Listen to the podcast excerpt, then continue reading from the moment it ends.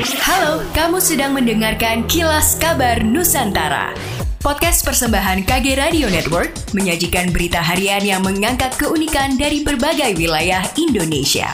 Kilas Kabar Nusantara dapat juga didukung oleh pengiklan loh.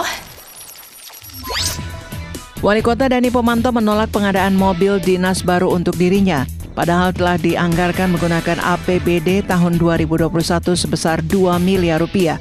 Dia merasa tidak memerlukan kendaraan baru sebab masih ada yang bisa digunakan.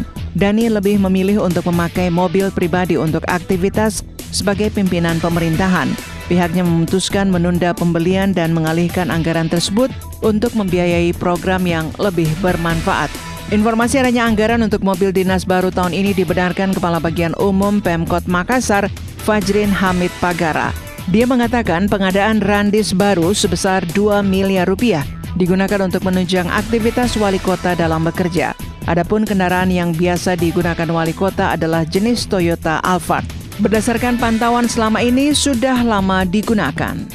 Pemerintah Kota Makassar bersama BPJS sepakat bersama-sama melakukan sinkronisasi data.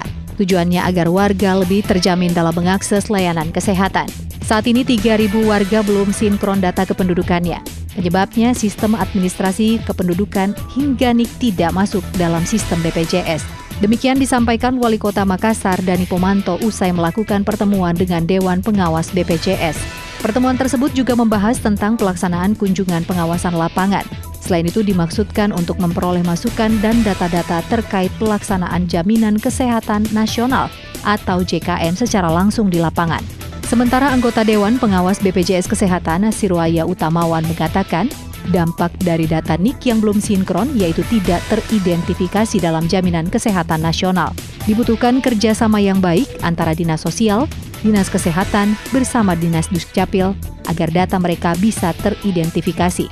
Sehingga jika membutuhkan pelayanan kesehatan dapat tertangani dengan baik. Demikianlah kilas kabar Nusantara pagi ini.